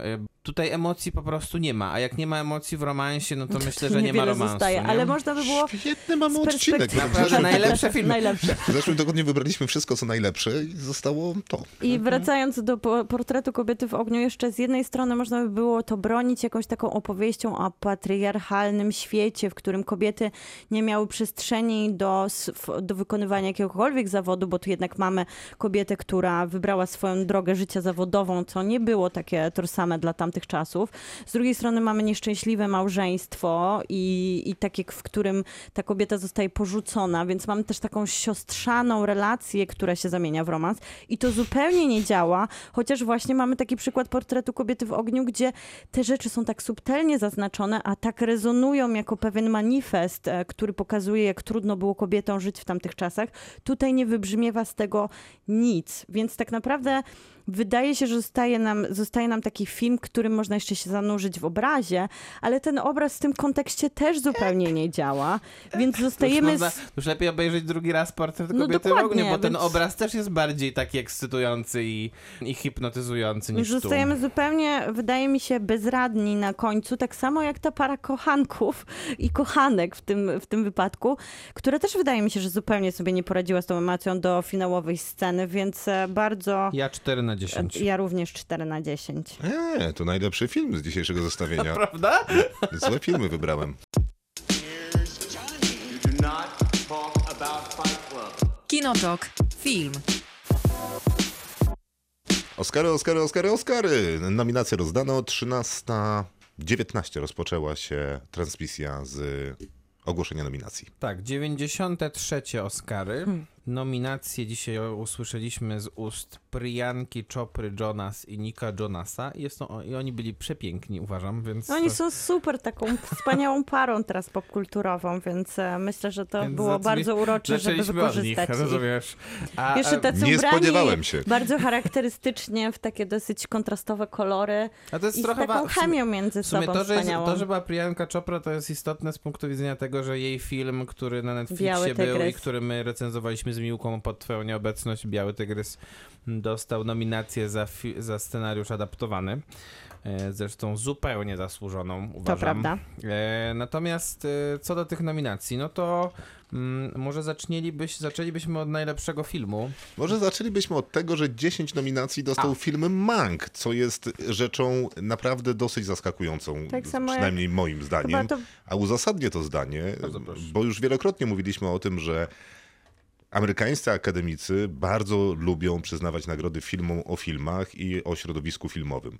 Tylko o amerykańskich akademikach teraz trudno mówić w takim kontekście. Amerykańscy akademicy, którzy są tym takim ciałem, które zawsze źle przyznaje nominacje i wręcza nagrody, ponieważ to olbrzymie ciało, w przeciwieństwie do tego złotoglobowego, przez ostatnie lata naprawdę nie zrobiło Nieźle oczywiście wszystkiego. przyznawało nagrody. Tak, nieźle przyznawało nagrody, ale też być może nie zrobiło wszystkiego, co się dało i co powinni zrobić, ale zrobili bardzo dużo, jeżeli chodzi o włączanie nowych yy, członków w, do Akademii Filmowej, ale t, także, żeby wyrównać odpowiednie proporcje w, w tym y, olbrzymim ciele. I ono dalej jest wadliwe, bo jest tam bardzo dużo starszych osób, pewnie bardzo dużo dalej tych filmów nie ogląda. E, Chyba to jest pierwszy w ogóle rok w historii, w którym można te filmy obejrzeć online, a oni nie muszą iść do kina. No więc y, ten proces jest powolny, ale dzieje się. No i nic się nie zmieniło dalej. 10 nominacji Ale dla to- filmu, który opowiada o filmach. Ale Tylko, to mnie że- w ogóle nie szokuje. Ale to akurat to jest. W sensie 10 nominacji dla Manka nie jest w ogóle zaskakujące. Bardziej jest zaskakujące to, że to w, to w których kategoriach Mank nie dostał nominacji, bo e, gdyby Mank dostał nominację we wszystkich kategoriach, w których teoretycznie był faworytem, to mógł ich dostać nawet 13. E, A najważniejsze są dwie, w których Mank nie dostał nominacji. Mianowicie za scenariusz oryginalny e, świętej pamięci ojca Davida Finchera Jacka. Nie, Co jest dosyć paradoksalne, uważam, że film opowiadający o scenarzyście nie dostał nominacji za scenariusz. E, a druga bardzo ważna rzecz to jest to, że Mank nie dostał nominacji za montaż i to już chyba kiedyś powtarzałem. E, montaż jest bardzo istotny w kontekście tego, czy film ma szansę dostać Oscara za najlepszy film roku.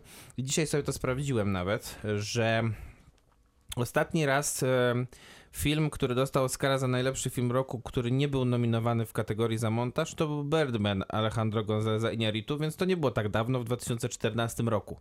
Ale wcześniej to był film Zwykli ludzie Roberta Redforda z 1980 roku, więc 41 No ale chyba lat. Mank nie jest w wyścigu o najlepszy film Nie, wysoko, nie, na więc pewno to nie by jest. tłumaczyło, Natomiast- że wszystko się zgadza w twojej teorii. Natomiast rozmawiamy teraz trochę o nominacjach y, samych w sobie i pewnie zaraz będziemy trochę zgadywać y, każdy we własnym zakresie, co by tam mogło wygrać. Y, Ale ten Mank jest dla mnie z dziwnym filmem pod względem 10 nominacji. To, co mówisz Maciek, to oczywiście 100% prawdy, ale no naprawdę Amanda Seyfried y, nominowana za Mank, świetna rola, ale No ale to jest, dwu i pół minutowa? to jest obraz tego roku i problemu chyba popandemicznego i tego, jak mało filmów było, jak mało było takich dużych filmów z dużymi nazwiskami, z dużymi reżyserami w tle. Dlatego, dlatego którzy- nominowana jest Maria y, Bakalowa za kolejny film o Boracie. Dokładnie. Ś- Świetna rola, ale no, w normalnym roku No, nigdy w życiu nie absolutnie. byłaby Dokładnie. nominowana. Ale, e, ale w normalnym roku Oscarowym to ja myślę, że może, ja myślę, że bym wykreślił No, z 60%. po, po trzy e, aktorskie nominacje przynajmniej z tego, co tutaj jest. E, bo, bo zabrakło po prostu wielkich kinowych filmów. Wszy, większość tych filmów albo e, będzie trzeba, albo oglądaliśmy na, na streamingu, albo będzie trzeba je obejrzeć na streamingu. Mm, I, e, no i to jest taki rok, niestety. Pandemia zepsuła bardzo Oscary.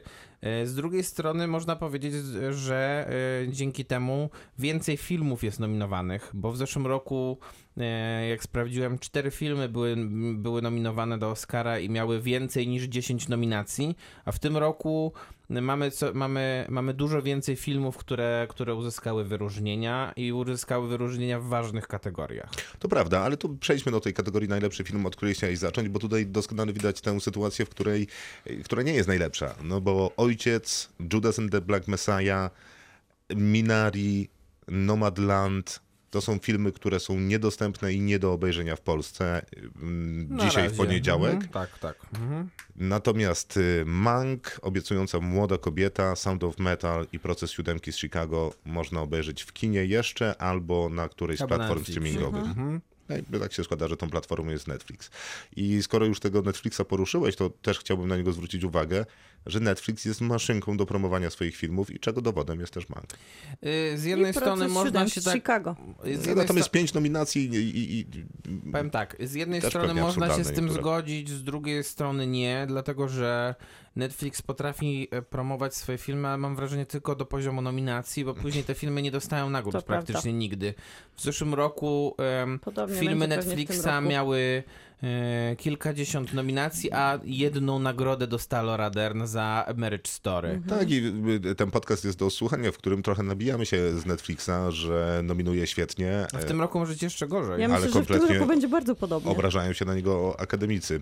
E, To zostając jeszcze przy tych połączeniach e, z kolei, czyli mm, Sasha Baron Cohen mi tu z kolei przychodzi na myśl, który też jest jakimś takim dużym zwycięstwą tych nominacji, no bo jego e, film nominowany Podobnie jak za, Złotych za, Globów. za, za scenariusz. za scenariusz, y, za najlepszą drugoplanową rolę kobiet, nie, za pierwszoplanową rolę kobiecą. Nie, drugoplanową rolę kobiecą Maria Bakalowa jest nominowana, za scenariusz jest nominowany kolejny film o Boracie i sam Sasha Baron Cohen jest Dokładnie. nominowany za aktorstwo, ale w e, procesie z siódemki z Chicago. Dokładnie tak jest. I to ja tu utrzymuję, że Netflix dobrze sobie radzi z nominacjami i wymuszaniem tych nominacji, bo Sasha Baron Cohen w, w procesie siódemki z Chicago jest, jest porządny, jest poprawny i ciekawy, tylko że ich jestem siedmiu tak, tylko i wcale nie wiem, czy Sasha Baron Cohen jest najlepszy, natomiast całkiem kupuję tezę o tym, że Sasha Baron Cohen, który robi Borata, ale jednocześnie ma No taki właśnie. duży aktorski zasięg, że jest w stanie jednocześnie zagrać w dramatycznym filmie,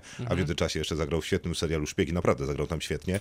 E, No to nie jest, po, to jest być może taka do- nagroda za całokształt tego Bardziej. roku. tak, bardziej. że to jest sprytny pomysł na marketing tej, e, tej nominacji, ale niekoniecznie na samą nagrodę. Ale dlatego nie, no będzie bo nagrody nagrody. nie będzie raczej. Żadnej. W sensie Sasha Baron Cohen jest, myślę, zadowolony z siebie już teraz, bo raczej był znany z tego dotychczas, że jest śmieszkiem, a, a dostanie, a, a nominowany jest w końcu za aktorstwo jednak dramatyczne, wydaje mi się. W sensie nie dramatyczne w sensie jakościowym, tylko dramatyczne w sensie gatunkowym. E, A co do, a co do samego, samej jego roli w mm, siódemce z Chicago, no to ta nominacja wynika z tylko wyłącznie z tego, że kampania poszła po prostu w jego rolę. Można było w- poprowadzić kampanię równie dobrze, pewnie równie skuteczną w mm, rolę, którą zagrał Mark Rylance, albo w rolę, którą zagrał Eddie Redmayne i No wtedy, właśnie. gdy, gdyby, Ale- gdyby Netflix podjął taką decyzję, to pewnie nie byłby No. Sasha Baron Cohen nominowany, tylko Eddie Redmayne albo Mark Rylance. Ale ja myślę, że że, tak. jednak e, jego drugi film, czyli komedia, tym razem e, Amazonowa, pomogła w tej nominacji, bo to się nakręcało razem i to była świadoma decyzja, że wybrali jego w jego roli dramatycznej, wiedząc, że pewnie powrót Borata będzie wielkim przebojem, będzie dyskutowany w Stanach, No, więc to nie się idę... Nie, no był. No Wielkim było- przebojem? No był, w sensie ta scena z Rudim Giulianim była, Była przebojem. tak, No więc tak, tak, przez no, to był film. dyskutowany wszędzie w Stanach Zjednoczonych. Natomiast e, mimo tego, że to jest pandemiczny rok, nie wydaje mi się, żeby te nominacje dla najlepszego filmu znowu były złe. E, Ojciec, Judas and the Black Messiah i te filmy pozostałe, których w Polsce nie możemy zobaczyć, nie możemy zobaczyć, ale biorąc pod uwagę, jaką mają prasę, to zapowiada się, że raczej nie będą to złe filmy. E, A proces siódemki z Chicago, obiecująca młoda kobieta, e, I No Sound najgorzej- of Metal. Najgorzej Sound of tutaj Metal. ten mang wygląda. to, to jest Najgorzej. na, no najgorzej, ale z drugiej strony, wiesz, artysta y, y, jakoś wygląda, co, ja wolę artystę, ale rozumiem, Też. że komuś może się podobać Mank. To jest super hermetyczny film, ale, ale trudno powiedzieć, żeby to było y, y, złe kino. No na No pewno, nie, nie, nie. No, Ja na pewno bym broniła Manka bardziej niż Proces Siódemki z Chicago jako taki film na najlepszy film No roku. bo proces to, siódemki z Chicago. to Przypominam, nie że jest najlepszy film nomino- roku. No. jak się nazywa film, który lubisz, a którego ja nie lubię o wyścigach? Le Mans 66? tak. To był Ford E, versus Ferrari. Ford versus Ferrari. film nominowany do, jako najlepszy film. Był. Był. To więc proces siódemki z Chicago nie jest gorszym filmem. No dobrze, no to zostawmy to. W sensie y, myślę, że myślę, że Mank y, i proces proces siódemki z Chicago myślę, że ma szansę na dostanie, żeby dostać Oscara za najlepszy film. W Tak. sensie, bo to jakby ta, ta, ta, ta droga tego filmu do tego Oscara jeszcze się nie zamknęła, bo jeszcze ma, jeszcze ma możliwości. Mank raczej takich możliwości nie ma, więc będziemy o nim mówić jako o wielkim przegranym tej gali, bo on albo wyjdzie z ser, albo wyjdzie z pustymi rękami, albo dostanie jakiegoś Oscara, nie wiem, za scenografię czy coś tego typu. Ale to zresztą za jest- scenografię mógłby całkiem zasłużenie dostać. No dokładnie, albo za nim, kostiumy, cokolwiek. y, Te, takiego Oscara, o którym za bardzo nikt nie będzie pamiętał. No to na pewno, ale wydaje mi się, że Nomadland e, i po nagrodach, które wcześniej mieliśmy, czyli Złotych Globach, które są takim troszkę zapowiedzią, prequelem do Oscarów, którego w Polsce jeszcze nie możemy oglądać, chyba jest e, z takim jednym z bardziej... I Minari, który w Polsce też chyba będzie, no może niektórzy zdążą go jeszcze przedpremierowo zobaczyć, e, też w tym miesiącu miał mieć premierę, też jest takim Nie bardzo mi, mocno... nie wydaje mi się, że po zwycięstwie Parasite'u Minari ma jakiekolwiek szanse. Dlatego wydaje się, Nomadland jest tutaj obiecującym. Moim zdaniem na ten tytułem. moment Sound of Metal jest y, dobrym kandydatem do tego, żeby zgarnąć tę statuetkę. Być może dlatego, że nie widziałem Nomadland, no bo nie ma jak, ale to jest film, który ma papiery na wygranie y, Oscara w kategorii najlepszy Tak, film. mi się wydaje, że on jest za bardzo taki niezależny i europejski. Myślę, że Sound of Metal jak przeszło em, przez, ten, przez ten Rubikon zwany nagrodą, nominacją za najlepszy film roku, to nagle stało się bardzo mocnym rzeczywiście kandydatem, bo mm, dotychczas e, można było się obawiać, czy ten film w ogóle będzie nominowany w kategorii najlepszy film. E, Bo generalnie z, z tego, co przynajmniej pisała amerykańska prasa, to raczej się mówiło o tym, że albo ten film, albo Judas and the Black Messiah. Tymczasem obydwa te filmy są w kategorii głównej, a nie ma dwóch filmów, które, Zdaje które się, dużo, mają- dużo, dużo wyżej były cenione przez, przez krytyku, czy przez takich przewidujących, czyli Mareini, Matka Bluesa i Pewnej Nocy w Miami. To były filmy, które zresztą recenzowaliśmy wcześniej, które mm, były no. uznawane za te, które prawdopodobnie się znajdą w tej dziesiątce, czy teraz jak się okazało ósemce Oscarowej. One się nie znalazły, natomiast zarówno Judas and the Black Messiah, jak i Sound of Metal w tej, e, w tej ósemce są. Obydwa te filmy mają problem jeden. E, żaden z nich nie jest nominowany w kategorii najlepsza reżyseria co jest, e, co jest też dosyć znaczącym elementem, e, który utrudnia prawdopodobnie wygranie głównej kategorii. Z drugiej strony nie jest to aż tak znaczące jak, jak ten montaż, o którym wspominałem, bo, bo z kolei w, tej Ten dekadzie... montaż to jest szalona kategoria. Jeszcze jeden wątek y, w tej części rozmowy o Oscarach. Y, No bo mamy też historyczny y, moment, w którym Nomadland jest nominowany do Oscara i obiecująca młoda kobieta jest nominowany do Oscara. To też dwie twórczynie, dwie reżyserki i to jest pierwszy taki układ w historii, żeby dwie reżyserki były mm, ich filmy nominowane w tej kategorii. I za reżyserię I również. być może to jest ten polityczny moment, że jest ten nastrój na to, żeby, uwaga, przyznać drugiego Oscara kobiecie w historii. Myślę, że e, jest e, to bardziej niż pewne. W sensie, jak w kategorii głównej ma, można mieć wątpliwości co do siły Nomadland, to myślę, że w kategorii reżyserskiej nie ma, mieć, nie ma, co, nie ma wątpliwości, że Chloe Zhao dostanie tego Oscara. W sensie, No właśnie, ale nie, nie sądzisz, że może się skończyć tak, że Chloe Zhao dostanie Oscara za Nomadland, a Może. wygra Sound of Metal? może się skończyć, że wygra jakiś inny film. Niekoniecznie ten, o którym powiedziałeś, powiedziałeś bo Nie, nie, myślę, że... chodziło mi o przykład. Bo równie dobrze e, na przykład może się okazać, że to będzie bardzo kobiecy rok i... Obiecująca młoda kobieta w i- miksie z Chloe Zhao. I zrobimy, i z, będziemy mieli, by będziemy mieli galę, rok. która będzie wspaniała, pa, będzie, będzie zapamiętana do końca świata pewnie, bo Chloe Zhao by do, odebrała do Oscara za reżyserię, natomiast Oscara za scenariusz i najlepszy film o- odebrałaby Emerald Fennell. I jeszcze po drodze by odebrała Carey Mulligan Oscara dla najlepszej aktorki. Ja nie miałbym wielkich problemów z Nie, ja też nie, Nie, miałbym no, ja wielkich bym problemów, chociaż chciałbym, chociaż chciałbym jeszcze zobaczyć Nomadland, zanim dam mu wszystkie nagrody Prawda, świata. bo rozumiem, no tak. Natomiast a nie, myślisz, że- nie myślicie, że akademicy mogą właśnie tak myśleć?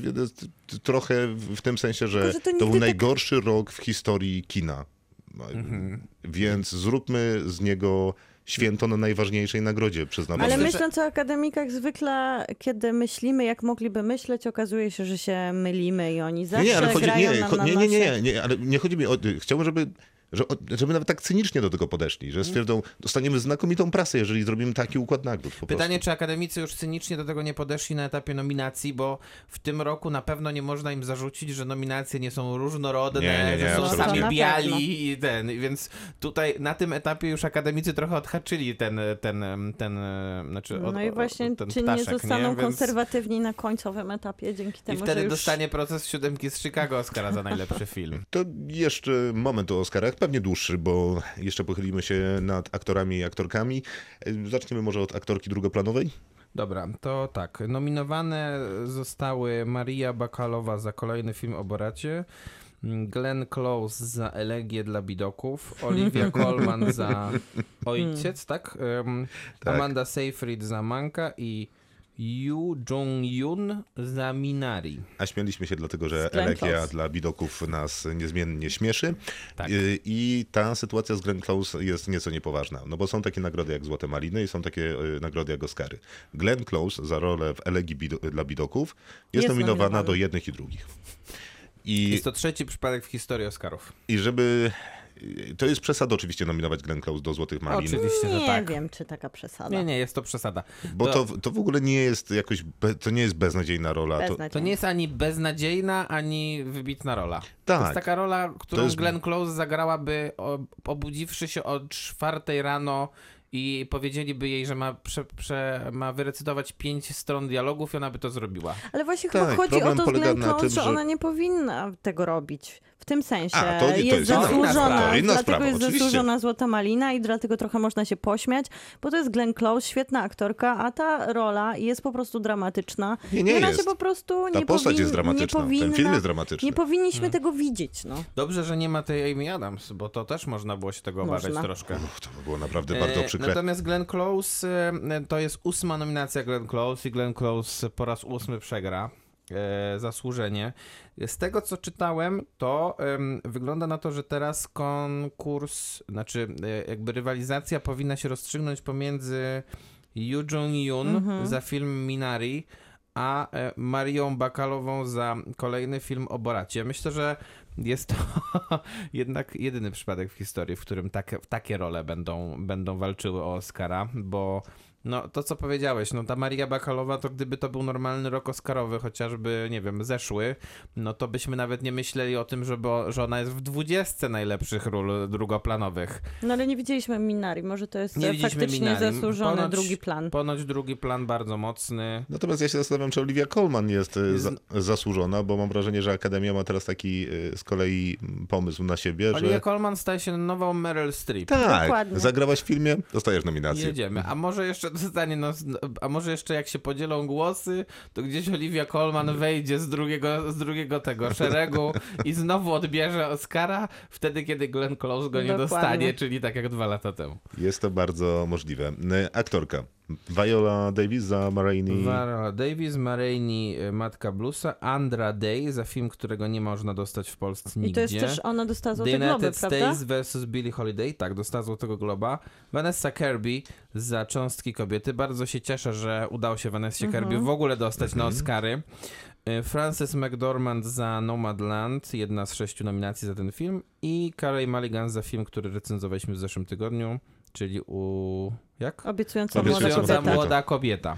Tu jest problem taki. Ciekawa jest po- ta kategoria. Polegający na tym, że nie za bardzo wiemy, jak Frances McDormand zagrała w tym Nomadland. No, z tego, Można co mówi, założyć, że Ale że- dobrze. z tego co prasa mówi, to dobrze. Poza Vi- tym, z tego co gra Frances McDormand zawsze, to raczej Można nie gra założyć, źle że nieźle. nigdy. Tak, Viola Davis wiemy jak zagrała, zagrała świetnie w Marini z Matka Bluesa. E, Jak zagrała Andra Day w The United States vs. Billie Holiday, nie wiemy, ale prasa tam jakoś spe, specjalnie jakichś zjawiskowych y, No epitetów nie wymyśla. Globa, Dostała chyba- Złotego Globa, ale z drugiej strony jakby dostała nagrodę Andra Day za film o Billie Holiday, to będzie dokładnie to samo, co, e, co nagroda dla Renée Hmm. Zellweger za film Mhm. Judy. To jest, albo możliwe, że jeszcze to gorsze będzie, bo, bo ponoć film jest jeszcze gorszy.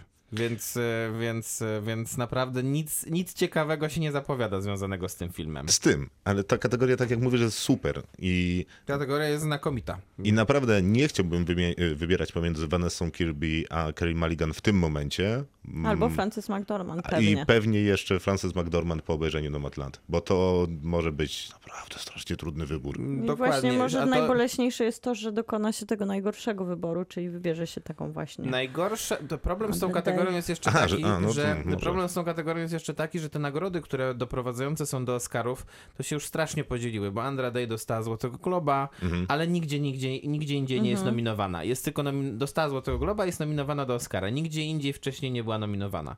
Mm, Cara Mulligan dostała nagrodę teraz krytyków amerykańskich, ale z kolei nie jest nominowana przez brytyjską Akademię Filmową, co jest zaskakujące, bo jest brytyjską aktorką. I jest spora szansa, że na przykład BAFTA dostanie Vanessa Kirby. I w co? I co znaczy, że wtedy staje się nagle kandydatką główną do Oscara? Wcale nie, dlatego że Andra Day i Nie- Viola nie, Davis żebym to, miał są, jakiś problem. to są amerykańskie aktorki. I, I tutaj mamy problem z kolei kolejny, więc... y, Tak naprawdę zobaczymy, to, to będzie, to Wiesz, jest, ale to to jest jest do- bardzo otwarta kategoria i to dobrze, myślę. To dobrze, zwłaszcza, że mi często zupełnie tak nie jest z tą przeszk- główną nie przeszka- aktorską nie- kategorią dla kobiet, że tam No, jest taka no, zażyła ost- Ostatnio rywalizacja. przynajmniej jest tak, że kobiecych ról takich super Jest porządnych jest dużo. dużo. Tak, bo jak spojrzymy teraz na aktora drugoplanowego, to mamy tam właśnie Saszę Barona Cohena za kolejny film o Baracie, Daniela Nie, nie, Kaluje. za, to, Nie, za proces za- siódemki z dokładnie. Chicago. Tak, za proces siódemki z, Chica- z Chicago, Daniel Kaluja za Judas and the Black Messiah, Leslie Odom Jr. za Pewnej Nocy w Miami i Paul Rassi za Sound of Metal. A, i Lucky Stanfield za Judas and the Black Messiah, Tak. czyli dwie nominacje Mhm. za Judas and the Black Messiah. No więc te dwie nominacje odpadają, bo film jest w Polsce niedostępny i trudno na jego temat coś powiedzieć. No I to, największy problem jest taki, że Mhm. prawdopodobnie Daniel Kaluja dostanie tego Oscara, bo dostaje wszystko. E, Jest teraz głównym faworytem tej kategorii, a... e, A szkoda Sound a Metal szkoda, i bo jakby dostał Paul Rassi, to byłoby, to byłaby taka, powiedziałbym, romantyczna historia No, człowieka, który ma 70 lat, pierwszy raz zagrał jakąś taką większą rolę w filmie i e, udało mu się na te Oscary dostać tak, mm, tak ostatkiem sił, że tak powiem. No i fajnie by było, jakby ten film był też nagrodzony za coś. Fajnie by było, zwłaszcza, że no to jest znakomita rola, która Tak, po prostu dokładnie, każdym spojrzeniem facet prześwietla ci duszę i rozlicza cię i nie wierzy w żadne twoje, wiesz, opowieści o tym, jak to myślisz, że jest z twoim Tylko życiem. Tylko taka- wysyła cię do pokoju z pączkiem i koniec. Wyzbyta Natomiast- tego glamu Mhm. To oscarowego. prawda, to prawda. W tym sensie, że na przykład Daniel Kaluuya ma dużo większy glam oscarowy, więc trochę No, za tym gra idzie. e, e, jako jedyny z nich chyba tak, jako jedyny z nich em, Paul Rassi nie gra, nie gra postaci autentycznej. Kaluja gra postać. No autentyczną, Stanfield gra autentyczną, Baron Jr. i Cohen Baron też. Cohen. I Słuchaj, no wszyscy- ale nie jest tak, że Daniel Kaluuya to jest y, ten przykład aktora, który gra dużo, ale jest za wcześnie na Oscara w myśleniu y, y, Oscarowych akademików? No zobaczymy. Ja myślę, że Daniel Kaluja z drugiej strony, szczególnie po tym, Bo co on też pokazał... nie ma jakiejś super imponującej kariery. No tak, ale z drugiej strony to, co pokazał w Get Out, a, a też to, co pokazał na przykład w Queen and Slim, który recenzowaliśmy, pokazuje, że jest aktorem bardzo jakimś takim hipnotyzującym Jest, i, i inspirującym, więc myślę, że I to na pierwszym ta, planie ro, zwykle. ta rola może być, ta rola pewnie jest świetna, y, tylko że nic z tego, tylko że nie jesteśmy w stanie tego powiedzieć, nie? To prawda. Riz Ahmed za Sound of Metal to już aktorska rola pierwszoplanowa. Chadwick Boseman za Marlene Matka Bluesa, Anthony Hopkins za film Ojciec, Gary Oldman za Manka i Steven Yeun za Minari. Tak, i tutaj oczywiście faworyt jest jeden yy, i się nazywa Chadwick Boseman za film Marini Matka Bluesa.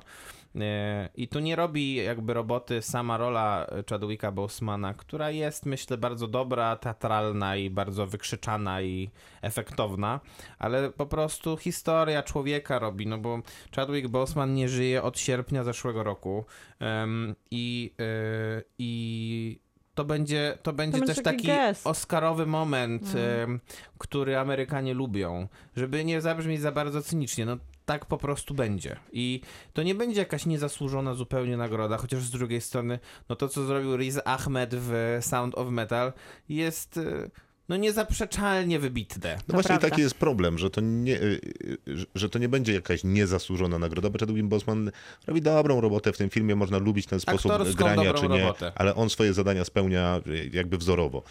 Tylko, że to, że jemu ta nagroda z kontekstu się należy, to nie znaczy, że nie zabiera tej nagrody Rizowi Ahmedowi, który zasługuje na nią jak On nawet Proszę tutaj wstawić dwie. swoje ulubione On przysłowie. zasługuje na dwie, ale podobno też e, Steven Yeun, e, myśmy nie widzieli Minari, on też tam jest e, fantastyczny i bardzo dużo Znaczy, amerykańskich kategoria jest myślę zupełnie, Tak. zupełnie Wiesz, e, nie An- najgorsza. Antony Hopkins tym Oscarem jest niezainteresowany, No, no Gary tak. Oldman ma go w nosie. Dokładnie, zresztą Gary Oldman ma tutaj zdecydowanie najmniej No, ciekawą dokładnie. rolę.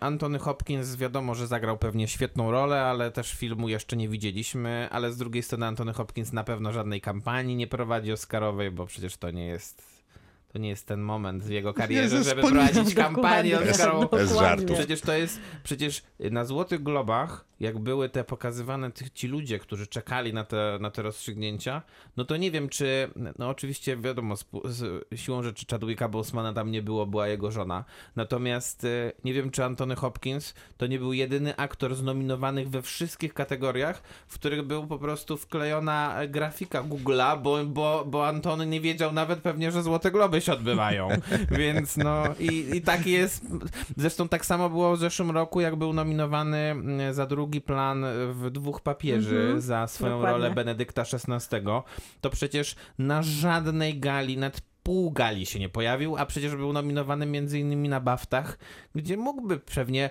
ze swojego jakiegoś tam londyńskiego domu przejechać do tego Royal Albert Hall, to nie jest jakoś pewnie Ale daleko, musiałby ale nie wiedzieć. chciało mu się pewnie, albo nie wiedział, że się coś odbywa. Nikt mu nie powiedział. Dobra, jeszcze tylko mm, na szybko wątki polskie, bo takich jest wyjątkowo mało. Tak. E, Przy, na Oscarach przyzwyczailiśmy się do tego, że będzie lepiej. Nie została nominowana Agnieszka Holland za Szarlatana, czyli to był czeski kandydat do Oscara. Został nominowany Dariusz Wolski za Nowinę ze świata. Niespodzianek nie ma. Nie ma niespodzianek. W końcu Dariusz Wolski dołącza do tego grona e, polskich operatorów, e, którzy mają na swoim koncie nominację do Oscara. Tych operatorów jest już kilku, żeby wymienić tylko Łukasza Żala, który był nominowany do Oscara dwukrotnie, Janusza Kamińskiego, który oczywiście Oscara odbierał też dwukrotnie. A jeszcze nominowani byli m.in. Piotr Sobociński za któryś z właśnie trzech kolorów Kieślowskiego i Sławomir Idziak za helikopter w ogniu Ridleya Scotta. Mm, No a teraz Ridley Scott przecież właśnie współpracuje z Dariuszem Wolskim, bo najbliższe dwa filmy, które Ridley Scott reżyseruje, między innymi jeden e, z Lady Gagą i z Adamem Driverem właśnie kręci Dariusz Wolski, więc myślę, że to nie będzie ostatnia jego nominacja do Oscara. I oby tak było. I drugim wątkiem polskim jest Ewa Puszczyńska, czyli producentka filmu Kwawadis Aida, czyli filmu, który był między innymi współprodukowany przez Polski Instytut Sztuki Filmowej, a przy okazji tam montażystą też był Polak, kostiumografka Wspaniały film. Mhm, cudowny Małgorzata Karpiuk, e, to też e, Polka przecież, więc sporo tego. mm, A i Antoni Łazarkiewicz jako autor muzyki. Tak. Więc sporo tych wątków polskich w Kwawadis Aida, a to jest naprawdę bardzo mocny, bardzo dobry Bardzo film. mocny film, nominowany do Oscara za najlepszy film międzynarodowy, reprezentant Bośni i Hercegowiny. Prawdopodobnie przegra z Narauszu, bo Dania rzeczywiście mocno promuje To ten film. Niepoważne. Do, promuje ten film do tego stopnia, że Thomas Winterberg jest też nominowany za reżyserię. Dokładnie. co jest też niepoważne. Naprawdę, to jest najgorszy film Tomasa Winterberga. Obejrzę wszystkie jeszcze raz, żeby móc to powiedzieć głośniej i zdecydowaniej. E, To wszystko na dzisiaj w Kinotoku. Bardzo serdecznie dziękujemy. Powoli będziemy przygotowywać swoje zgadywanki oscarowe, więc na pewno będziemy was zachęcać, żebyście też to robili. Bardzo dziękujemy. Krzysztof Majewski. Miłosława Bożek. Maciej Przypomnę- dobranoc. Jeszcze się wstrzymaj, proszę. Mogę coś powiedzieć? Proszę, proszę mów. No, świetnie. Na Spotify'u subskrypcja byłoby super. Dobranoc. I zapraszać rodziny. Kinotok. Tuż przed wyjściem do kina.